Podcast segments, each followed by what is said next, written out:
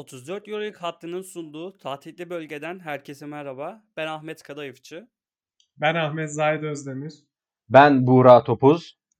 Basketbola dair komik detayların konuşulduğu programımızla karşınızdayız. Bu hafta da çok güzel konularımız var. Ee, tabii Buğra Topuz'un bana iddiayı kaybetmesi üzerine bir şarkı bekliyoruz kendisinden bölümün sonuna. Bildiğiniz üzere Anadolu Efes Fenerbahçe Beko'yu mağlup etmeyi başardı ve burada Buğra bana bir şarkı borçlu hale geldi. Dilerdik ki maçın hemen ardından bu şarkıyı size söyleyebilsin. Kendisinin kişisel sebeplerinden dolayı o gece söyleyemedi. Evinde bir sessizlik ortalama, ortamı sağlaması gerekiyordu. Bugüne kaldı. Geç olsun güç olmasın diyerekten. Büyük e, bir performans için o müsaitliğe ihtiyaç duyuyordu diyebilir miyiz abi? Kesinlikle evet. diyebiliriz. Evet. Şöyle hemen açıklayayım sebebini. Bir sonraki ay 2 yaşına basacak olan yeğenim o saatte uyuyordu ve kendisi çok zor şartlar altında uyuyabiliyor.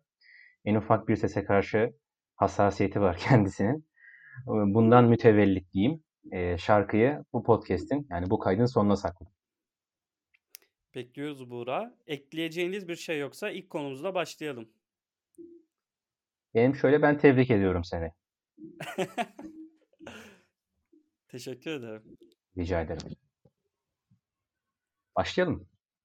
Başlayalım. Zahit akışı sana bırakıyorum. Evet öncelikle geçtiğimiz ay Türkiye Uzay Ajansı ile ilgili ve Türkiye'de astronot gündeminin ortaya çıkmasıyla, astronot kelimesinin gündem olmasıyla, başlıklarda yer almasıyla biz de dedik ki bu ay ayın astronotunu seçelim. Euroleague'de ayın astronotu kim? Ve herkes kendine uygun nedenlerle aslında bunu söyleyecek. O yüzden kendi aramızda da astronot şuna göre seçelim demedik. Ucu açık. Evet arkadaşlar Buğra seninle başlayalım. Ayın astronotu kim Euroleague'de? Aslında bu haftaya kadar çok zorlandım. Dedim acaba kimi seçebilirim? Hem antrenör nezdinde hem de oyuncu nezdinde. Ama tabii cuma akşamı bütün şüphelerim bir oyuncu tarafından giderildi. Kendisi Sırbistan doğumlu e, Vasilij Mitsic. Yani çok başka bir boyuta vardı.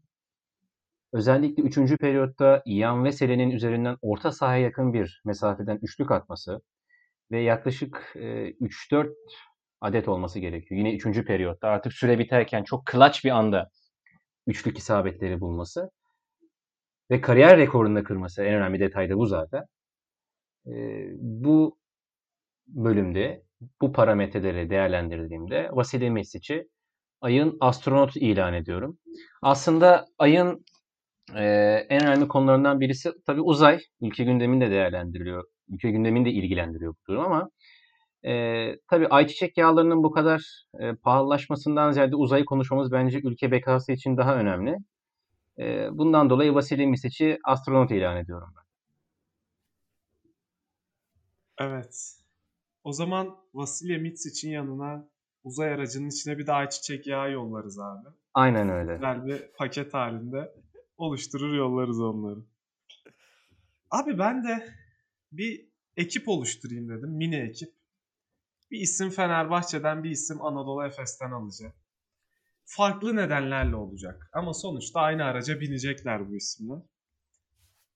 Öncelikle Fenerbahçe'den başlayayım iki isim alacağım Fenerbahçe'den. Birisi Yan Veseli abi. Yan Veseli uçuyor. Sonunda o aslında sonunda demeyeceğim. Çünkü kariyerinde bence çıktı en üst noktaya çıktı geçtiğimiz 10 maçlık süreçte. Ki devamının da geleceğini ümit ediyoruz. Hani göğe değdi Veseli uzaya yollayabiliriz diyorum. O yüzden ekipten ilk isim Veseli olacak. Alacağım diğer isim Ulanovas abi. Abi Ulanovas'ın sesi, soluğu hiçbir şeyi yok ortada. Uzay da öyle. Yani dedim daha uygun bir astronot olabilir mi? Gayet.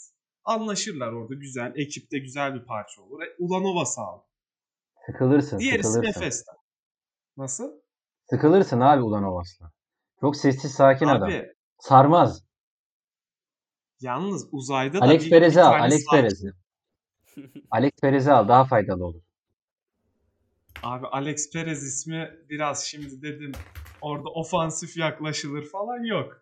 Alex Perez'i almayayım ben. Onu senin Eyvallah. aracına koyalım. Eyvallah, eyvallah, eyvallah. Abi şimdi Veseli Ulanovas bu ikilinin yanına da şu Efes'ten bir lider alalım dedim. Ergin Ataman. Koç olarak böyle başlarında duracak bir isim. Ama neden Ergin Ataman diyorum? Aslında nedeni daha farklı. Abi Ergin Ataman kulaklık modunu taktı.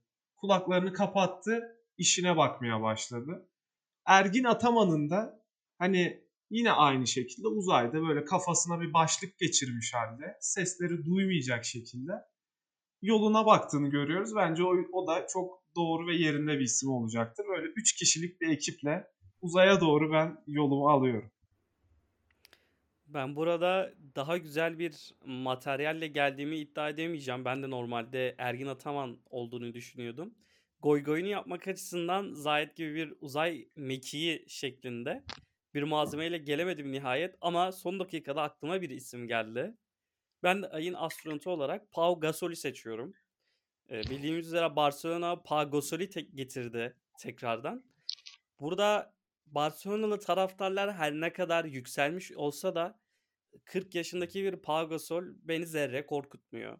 Yani Barcelona e, Euroleague şampiyonluğunda daha iddialı bir konuma gelmedi. Oyun anlamında daha iddialı şeyler beklediğimi söyleyemem.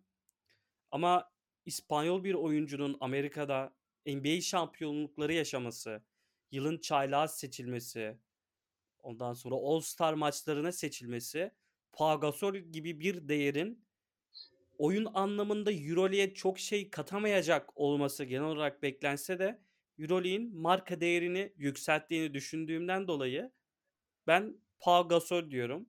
Dediğim gibi beklentim yüksek olmasa da eee, yani Barcelona'ya bir garezim olsa da çok sevdiğim bir takım değil yani ben İspanya İspanya'da Real Madrid'i tutarım. Yani hep kendime daha yakın görürüm.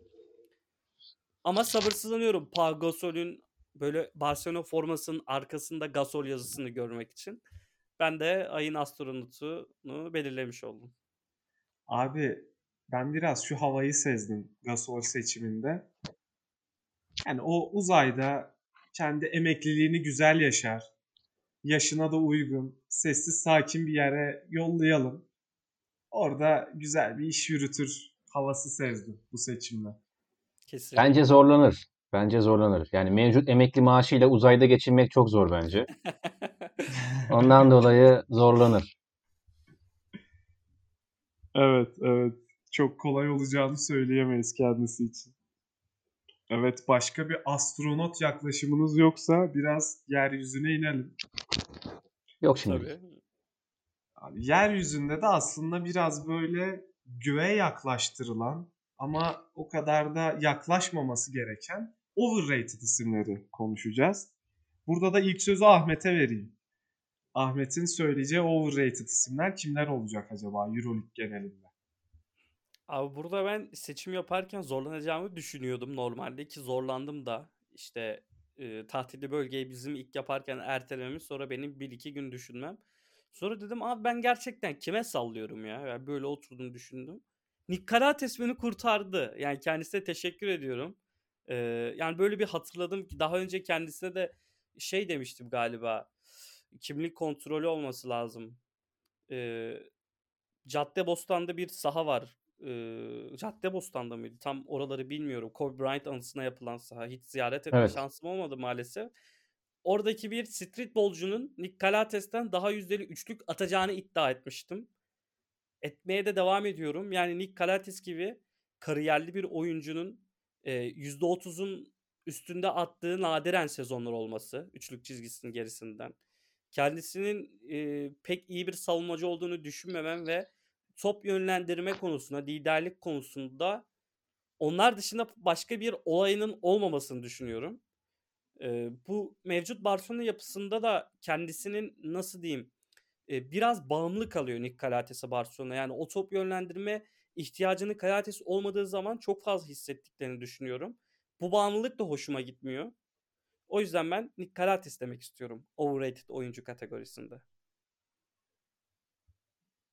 Abi yani önce Kalates'e bir yorum yapacağım. Yani Kalates hiç sevdiğim bir oyuncu değil. Ama yine de o ismi düşündüm aslında. Hani overrated mı acaba? Yine de abi oyun zekası çok yüksek olduğu için ben o ismi söylemekten vazgeçtim. Bende de yine aynı takımdan Adam Henga var abi. Oo. Kendisi zamanında Ekpe Yudoh'tan yılın savunmacısı ödülünü çalmıştı diyeceğim. Tırnak içinde diyeceğim bunu ama yani iyi savunmacı diye adı çıkmış. Macar bir Göksel'in Köksal havası seziyorum Of. ben Edimanga'da. Oo, bu inanılmaz Yani- oldu bu arada. Yani bilmiyorum biraz fazla konuşuluyor kendisi. Fazla değer veriliyor bence ona. Zaman zaman şutunu sokar. Biraz atletiktir. Ama bahsedildiği kadar iyi savunmacı değildir bence. O yüzden çok da uzatmadan ben Adam Henga diyorum.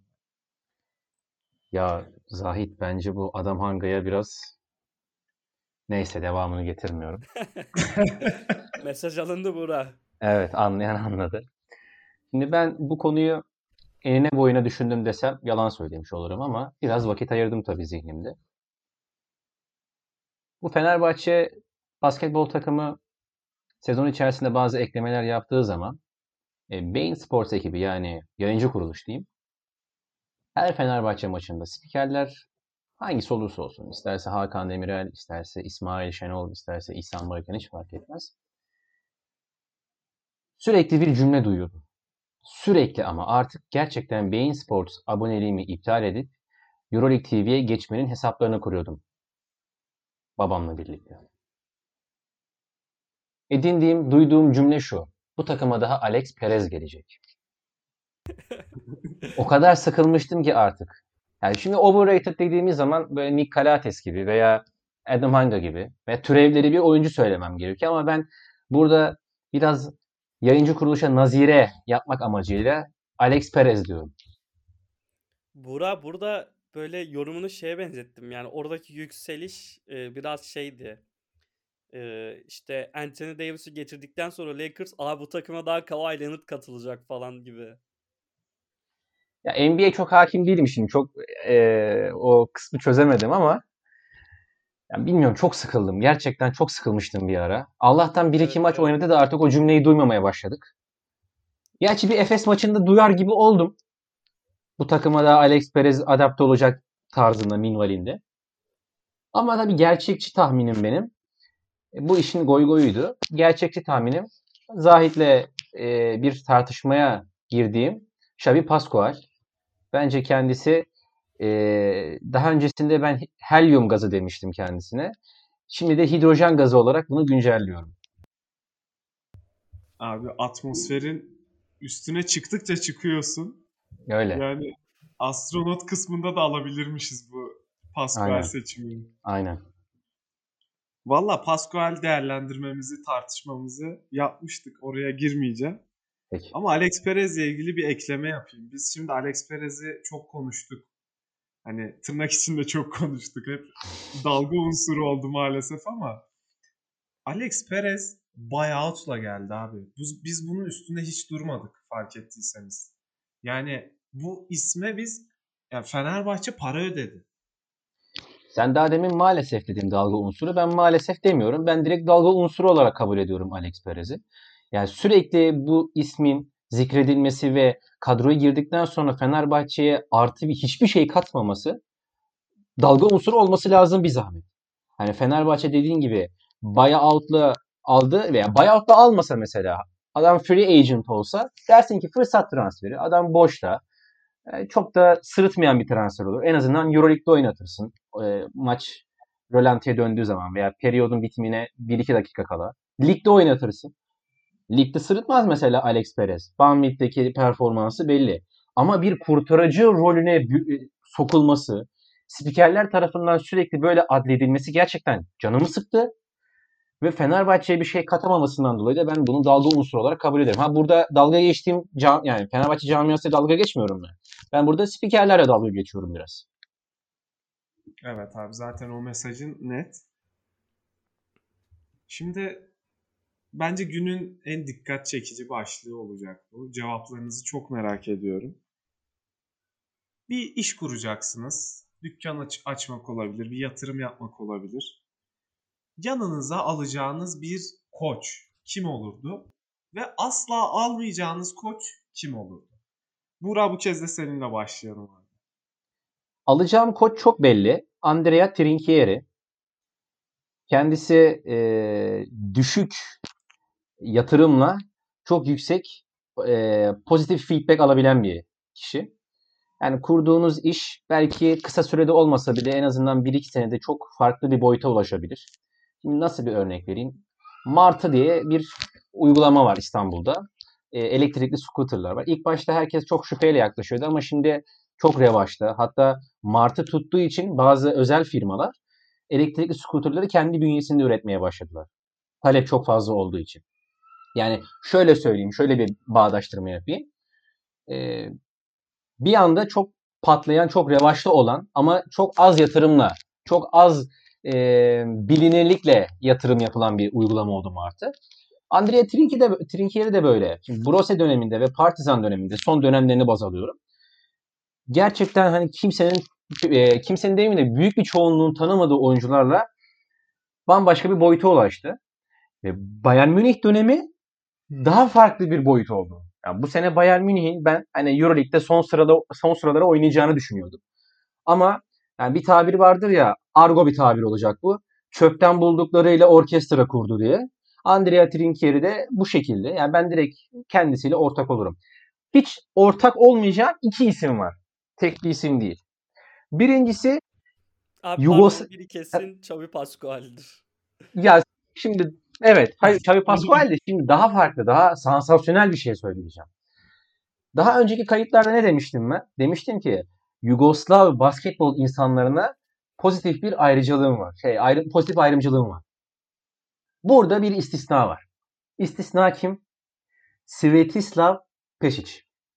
Oo. Kendisi geçen sene büyük bir rezalete imza attı. Yani o kadroyu hiçbir benim antrenörlük lisansım yok. E lisansım bile yok benim. Daha hiç başvurmadım. Ama bana verseler ben Euroleague'de liderdim geçen sene ve Bubble'da Baskonya'ya şampiyonluğu vermezdim. Bir de üstüne Ivanovic'e dalga geçti kendisi. Dedi bu kupaya bir dokun, bir daha dokunamayacaksın dedi. Son kez bir dokun dedi. Kendisi böyle bir nasıl örnek vereyim? Ben mesela şirket kurmuşum, tırnaklarımla kazımışım. Benim bir oğlum var, çok şımarık. Benden sonra şirketin başına geçiyor ve batırıyor şirketi. Svetislav Pesic böyle bir adam. O yüzden ben hayatta iş yapmam Pesic'le.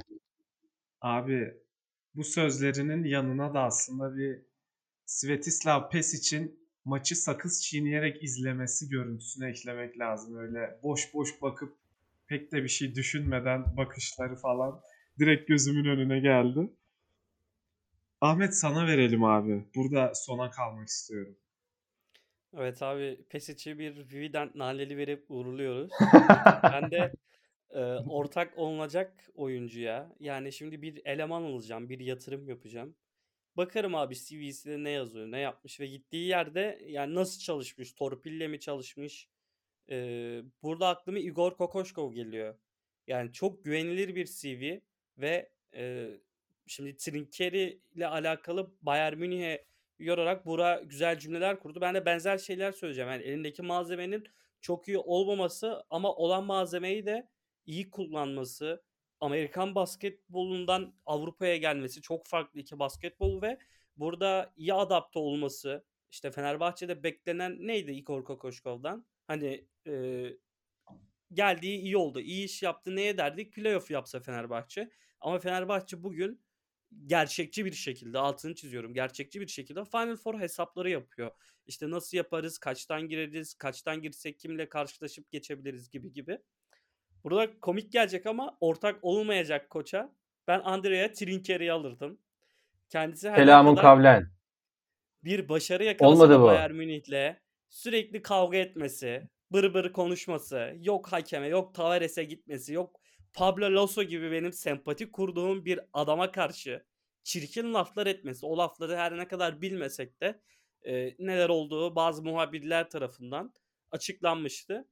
İşte yok Almanya Ligi'nde oyuncunun hatırla ismini hatırlamıyorum. E, yani yanlış ifade kullanmak istemem ama fiziksel müdahalede bulunup oyuncusuna soyunma odasına göndermesi bir Euroleague seviyesindeki koça yakışacak bir şey değil. Yani 80-90'larda değiliz. Sen kimsin oyuncuyu kovup soyunma odasına gönderiyorsun? İşte aynısını benim elemanıma yapsa veya aynı çıkışı bana yapsa ben öyle bir ortak istemem. O yüzden ben Trinker diyorum. Burak misillemeni bekliyorum. Esefle kınıyorum. Esefle kınıyorum. Şimdi o zaman ben şöyle bir şey söyleyeyim. Pardon, pardon, Jane- pardon. Heh. Trinkere'ye antrenör demiştim. Trinkere Evet. antrenörcüktür. Hayda. O kadar. Şimdi şöyle söyleyeyim o zaman. Ee, Çocuk büyüyecek. evet. Şimdi Jeliko Obradovic Avrupa basketbol tarihinin en kariyerli koçu, en başarılı koçu. Ben şu an aktif olmadığı için kendisini seçmedim. Kendisi de Melih Mahmutoğlu'na tokat atmıştı. Şimdi böyle mi olacak? Ama abi o Obradovic yani. O olmuş artık. Ya olmuş diye Hani- tokat mı atacak adama? Ergin Onu da Ataman da esefle Göktürk. Göktürk Kural'a tokat attı. Ama Trinker sen kimsin abi yani? Abi, Kimsin? abi Yanlış Trinkier'in yerden vurdun olduğunu- bence. Trinkier'in kim olduğunu birazcık konuşmak gerekirse henüz elit bir koç değil ama oraya aday belki de ilk sırada sayabileceğimiz isimlerden birisi öncelikle. Ve oyuncuyla eğer iletişiminizde o itip kalkmanın böyle çok bir büyük hani nasıl söyleyeyim oyuncu bunu sıkıntı etmiyorsa yani geçip tekme tokat dövmedi sonuçta. Hani o itmeyi çok böyle sorun etmiyorsa oyuncu hani onu çok da böyle biz eleştirmek bize düşmez. Ben böyle düşünüyorum.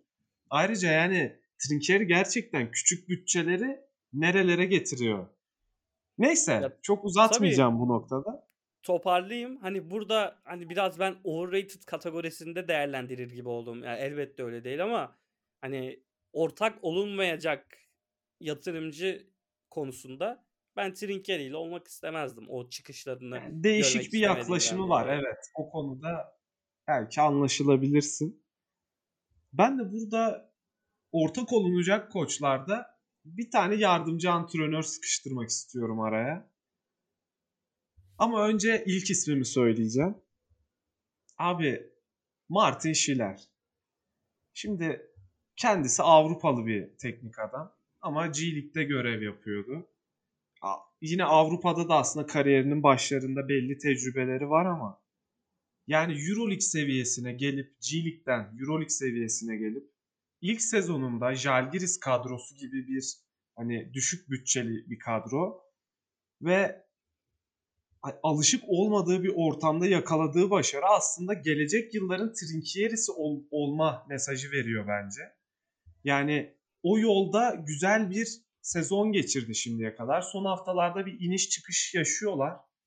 Ama hem takımın düzenlerine hakimiyeti hem zaman zaman oyun içinde çizdiği setlerle e, o zekasını ortaya koyması açısından ben Schiller'le e, ortak olunabilir diyorum.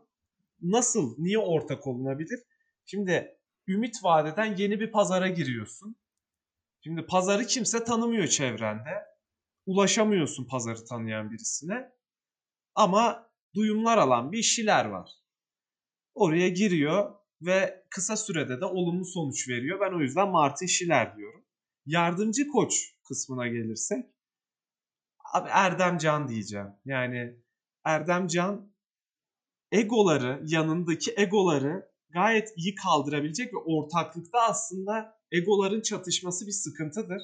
Ve Erdemcan bu konuda e, iyi bir yönetim yapabiliyor. Ki Obradoviç de yıllarca çalıştı. Şimdi daha farklı bir koçla, Kokoşkov'la çalışıyor. Çok farklı tarzda ve ikisine de gayet iyi uyum gösterdiği için bence güzel bir parça olacaktır e, herhangi bir girişim yatırımda. Ve işine de iyi çalışır bu arada. Yani teknik taktik anlamda da işinizi rahatlatır. Network'ü geniştir. O açıdan Erdem Can'ı da yazarım listeye. Kimle ortak olmam? Ben burada abi İspanya sahillerine gitmek istiyorum. Ponsarnau abi. Valencia'da kötü bir coaching yapmıyor. Koç koçluğuna lafım yok. Ama Ponsarnau biraz hani kalıpların dışına çıkabilecek bir isim gibi gelmiyor bana. Ve herhangi bir yatırımda da ne bileyim o anda alınacak reaksiyonlar konusunda doğru bir isim olmayacaktır diye düşünüyorum. Ezbere rotasyonlar yaptığı çok fazla maç sayabilirim. O yüzden ezbere yapılacak bir iş olmadığı için bu Ponsarnao'yu ben ortak etmem kendim. Ben burada iki yorum yapmak istiyorum senin düşüncelerine. Birincisi Ponsarnao'ya katılıyorum. Şimdi isim belirtmeyeceğim ama Türk siyaset tarihinde istifa edip de sonra istifasını geri çeken bir kişiye benzettiğim için kendisini bu yüzden çok başarılı olacağını düşünmüyorum.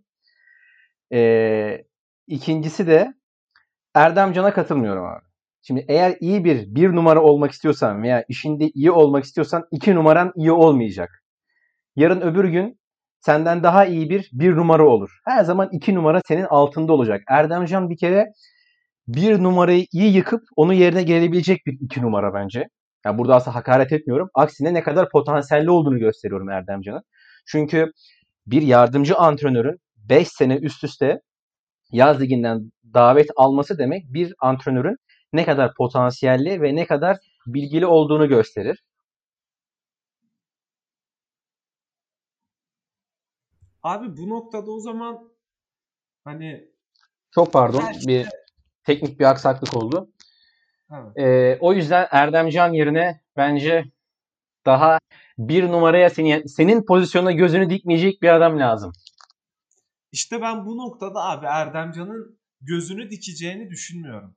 Kariyer hedefi olarak e, mesela basketbol üstünden gidersek baş antrenör olmak istiyorsa bunu şu anki yapıyı bozarak yapacak bir isim olduğunu düşünmüyorum. Ben mesela atıyorum Erdemcan'ın bir market zinciri var ama bir restoran açacağız Erdemcan'la. Yani başka bir alanda bir numara olabilir. Ama ortak olunması gerektiğinde de gayet güzel ortak olunur. Ben böyle yaklaştığım için e, Erdemcan'ı seçtim. Peki, peki. Evet abi burada değişik tercihler vardı. Özellikle Trinkieri ile girişimcilik yapılmaz, yatırım yapılmaz yaklaşımı akıllardan silinmeyecek. Zerre katılmıyorum, Şimdi, zerre. Evet, evet. Abi siz parayı sokakta yerde mi buldunuz lütfen yani? Ya güzel kardeşim bak Bradley Wanamaker İtalya Ligi'nde böyle adı sanı duyulmayan bir adamdı şu an NBA'de oynuyor. Nicolo Melli var. Daniel Tyus var. Darius ee, Miller var. Darius Miller var. Bir dakika bak Daniel Tice için olan övgülerimi ben zaten özel olarak paylaşmıştım zaten. Helal olsun bu Trinkeri'ye gönderdi diye. E Ama e daha ben ne? Trinkeri kötü koç demiyorum ki. Buradaki antrenörcük ne? dedin. Cük dedin abi. abi cük dedin abi. Abi tahtitli bölge ismine uyarak söyledim onu tabii ki. Yani, Hayda tamam. olmadı. Abi Neyse. Trinkeri iyi koç ona bir şey demiyorum. Ama burada yatırım yaparken 1 milyon doların var. Trinkeri de 1 milyon dolar koyacak. O işe Trinkeri ile girer misin? Ben girmem. Başka alternatiflerim olur. Martin Schiller olur. Mesela ben de Paul Sarnao'yu o kadar şey yapmazdı mesela. Ben de Paul Sarnao'yu tercih edebilirdim. Pablo Lasso olur, Kokoşko olur, Ergin Atam olur ama hani Schiller Abi sen şu an şey, tüm ligi saydın zaten. Trinkeri daha alt sıralarda olurdu benim o tercihim için. Yoksa Trinkeri'nin iyi koç olmadığını söylemek benim ne haddime? Peki abi Neyse. borsada senin değerlerini aşağıda takip ederdik. Yapacak bir şey yok. Oho, eyvallah abi. eyvallah. Abi bu bu bir sonraki konumuza, son konumuza düdüğü çalarak geçiyorum Ahmet'e. Bir hücum faal çalıyorum abi. Bir sonraki konumuz hakemler ve tavırları. Hani hakemlerin iyiliği kötülüğü değil. Hakemlerin düdük çalışı, koşuşu her şeyiyle çok e, özel isimlerdir. Çok hareketleri göze hoş gelir bence. Komiktir. Burada da o hücum faal e, benzetmesiyle hani olayıyla geçmek istedim. Çünkü hücum faal gösterişe ben bitiyorum. Benim için bir numara hakemlerde kesinlikle bu. Özellikle maçın kritik bir anında verilmiş ve 3-4 adım atarak hücum faali gösteren hakemlere ayrıca e, ayrı bir şapka çıkartıyorum diyeyim. Yoksa daha jargondan konuşmam gerekir. Ama burada ilk sözü Buğra'ya vereyim. Kendisinin de bir hakemlik geçmişi var. O zevkleri eminim yaşamıştır. Faal çalarken, üçlüyü verirken falan. Buğra ne Kesinlikle. diyorsun abi? Aslında benim hakemlik serüvenim çok kısa sürdü. 3 ay kadar e, Türkiye Basketbol Federasyonu'na resmi hakemlik yaptım. Önce ortaokul, e, ilkokul ve lise maçlarıyla daha sonra U14, U16 maçlarını yönettim. Ya sayısız düdük çaldım diyebilirim 3 ayda. Çünkü o zaman e, hazırlık sınıfını ben üniversitede Ocak ayında bitirmiştim. Şubattan Mayıs'a kadar yani her türlü maça ben e, gitmek istiyordum. Maç atamasını yap- yapan Fazıl Keser Atar var. Şu an Mehmet Keser Atar'ın e, abisi oluyor. Arıyordum sürekli Fazıl abi. Diyordum abi ben boşum. Bana istediğin kadar maç verebilirsin diyordum. O maçlarda yani ilkokul maçları çok kolaydı ama lise ve resmi maçlar hani U12 maçları bile çok zor geçiyordu.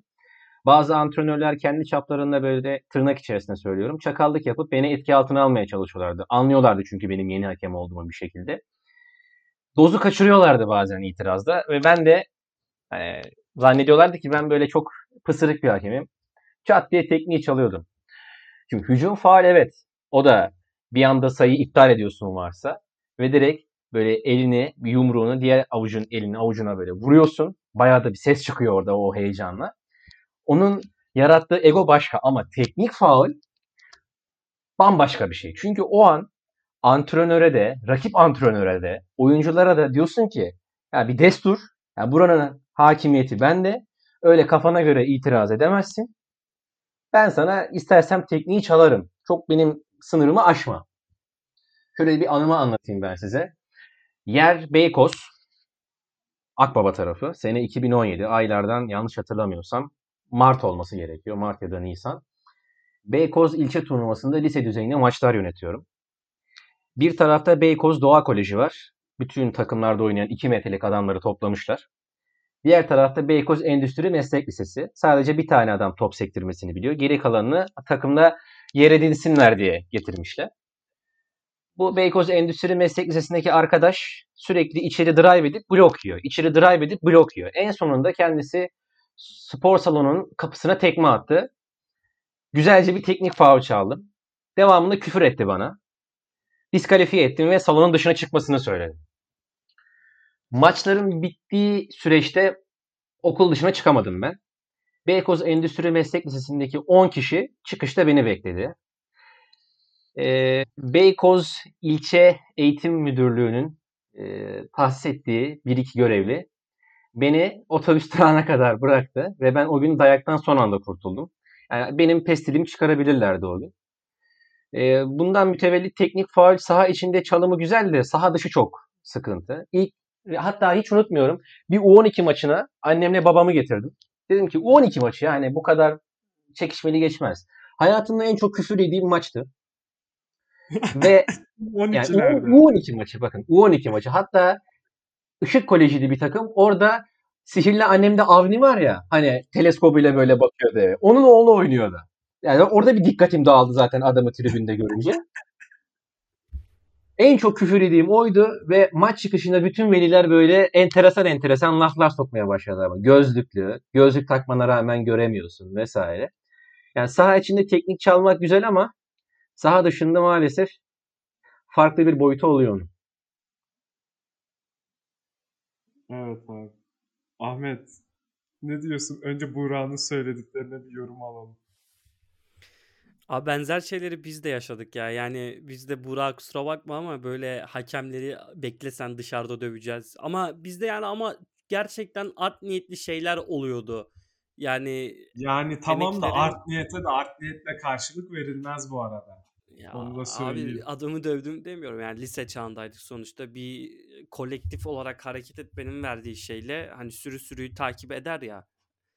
Ee, ama lafta geldi. şey. Yani, evet yani o, o şekilde şiddet uygulamadım ama e, lise 2-3 civarı olmam lazım. E, koçum İsmail Coşkun ona da selam olsun. Kendisi eski hakemdi 13 sene hakemlik yapmıştı ve şehirdeki tüm hakemlerle arası iyiydi. İşte e, hepsi onun başında falan toplanabiliyordu. Kendisi bir kere kend, yakın arkadaşı olan bir hakeme sandalye fırlatmıştı. Hiç unutmuyorum. Ben de yedekteydim onda. Ee, beni oyun almıştı bir anda işte bir oyuncuyla oyuncu beşlemişti. Faal çaldığından dolayı İsmail Koç sandalye fırlattı. Değişiklik sandalyesini. O sayede oyuna girmiştim ben de hiç unutmuyorum. Ee, ve maçın hakemleriyle de maç çıkışı biz doblolarına binip yemek yemeye gidiyorduk. Ben o zamanlar yurtta kalıyordum. Tabii e, tanıdığım pek kimse yoktu. E, akrabalarım vardı ama onlarla da çok konuşma fırsatım olmuyordu. Onlar da çalışan insanlar olduğu için. Orada hakem abilerin beni bir alıp işte tüm takımı 11 kişi dobloya binmiştik biz. Hiç unutmuyorum. Bir kahve içmeye götürmeleri benim için çok ekstra bir şeydi. Abi değişik hikaye. Benim hani böyle bir hakemlik ben de hani kısa bir süre lisanslı olarak okul takımlarında falan oynadım ama hiç hakemlerle ilgili aa bir tane hikayem var. Bir kere çok kısa bir hikaye zaten. Abi adam elime vurdu karşı takımdaki oyuncu. Sonra ben de topu kaybettim. Tamam mı? Sonra hakeme döndüm baktım niye çalmadın diyorum. Topu kaybettin dedi. Dedim abi elime vurdu o yüzden kaybettim. çalamadım dedi ya falan. Dedim abi git işine.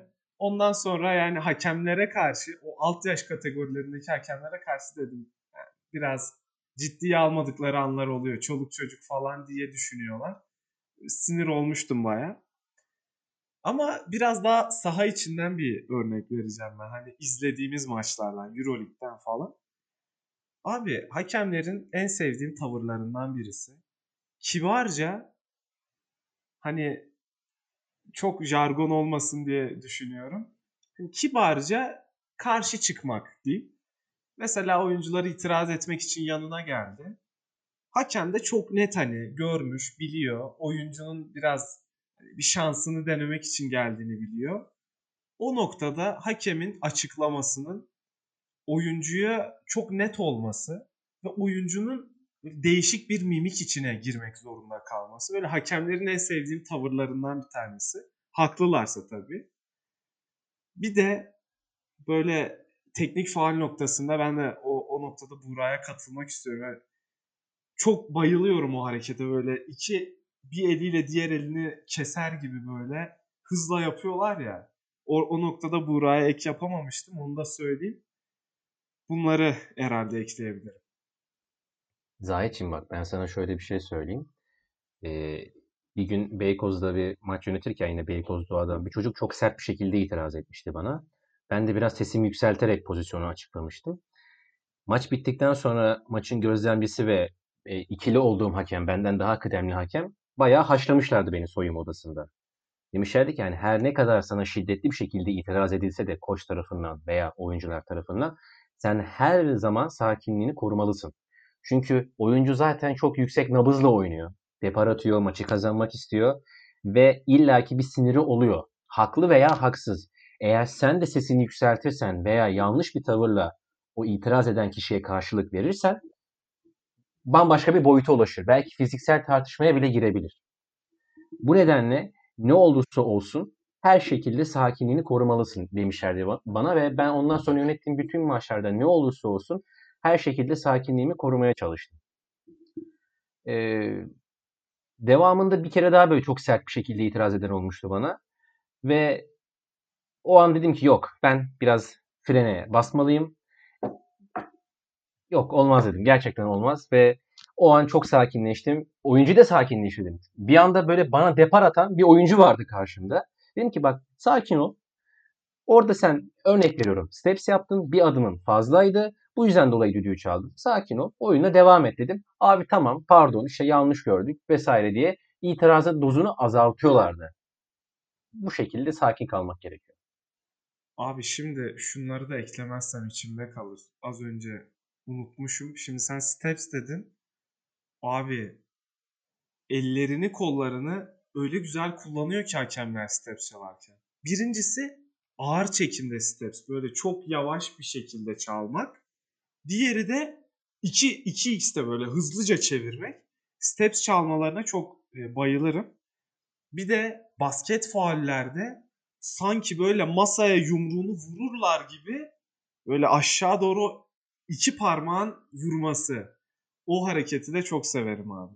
Yani genel olarak oyunu izlerken hakemleri bu kadar izlemek neden hoşuma gidiyor bilmiyorum ama basketbolu değerli kılan bir unsurlar bence.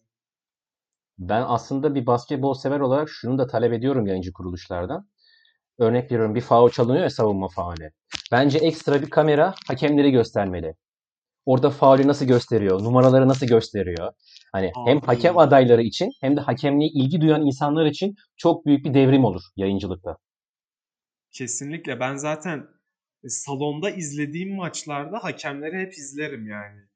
Orada tamam kararın ne olduğunu zaten bir düdükle anlayabiliyorsunuz ama sonra masaya gittiğinde ne yapıyor, ne anlatıyor, elini ne şekilde gösteriyor. Çok severim yani hakem izlemeyi. Evet abi. Ekleyeceğiniz bir şey var mı hakemler konusunda? Bu noktada biraz sözü uzattım ben. Benim yok.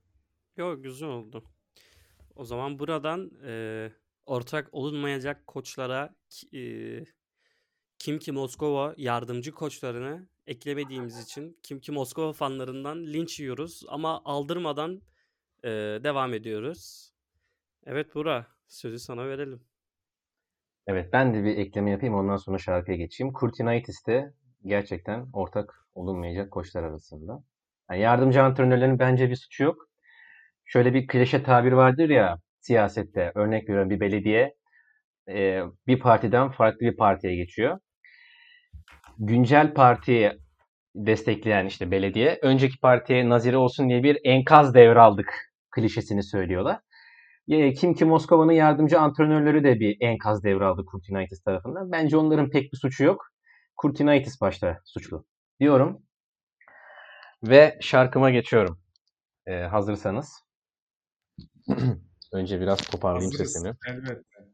Öncelikle Hande Yener'den Mor şarkısını istemişti Ahmet benden ama tabii ki Fenerbahçeli takipçilerimiz tarafından yanlış anlaşılmaması adına ben şarkıyı değiştirdim. Ahmet de sağ olsun onay verdi. Ee, daha geçen sene keşfettiğim bir müzik grubu var. Yüz yüzeyken konuşuruz. Ben böyle biraz indie müziğe uzaktım. Çok keşfedememiştim ama geçen sene ziyadesiyle keşfetme şansım oldu. Ee, yüz yüzeyken konuşuruz grubunun da e, patlak verdiği bir şarkı var. Kazılı Koyun. Ben son kısmından itibaren söylemeye başlayacağım. Şimdiden eee, bütün müzikal kusurlarım için önce arkadaşlarımdan sonra da siz değerli takipçilerimizden eee, kibar bir özür diliyorum. Seslendim ben sana kaç kere adını demeden Hislendim pislendim hiçbir şey istemeden. Pişmanlık demode artık. Ben söylemeden. Geri dön, geri dön, geri dön. Geri dön, geri dön, geri dön.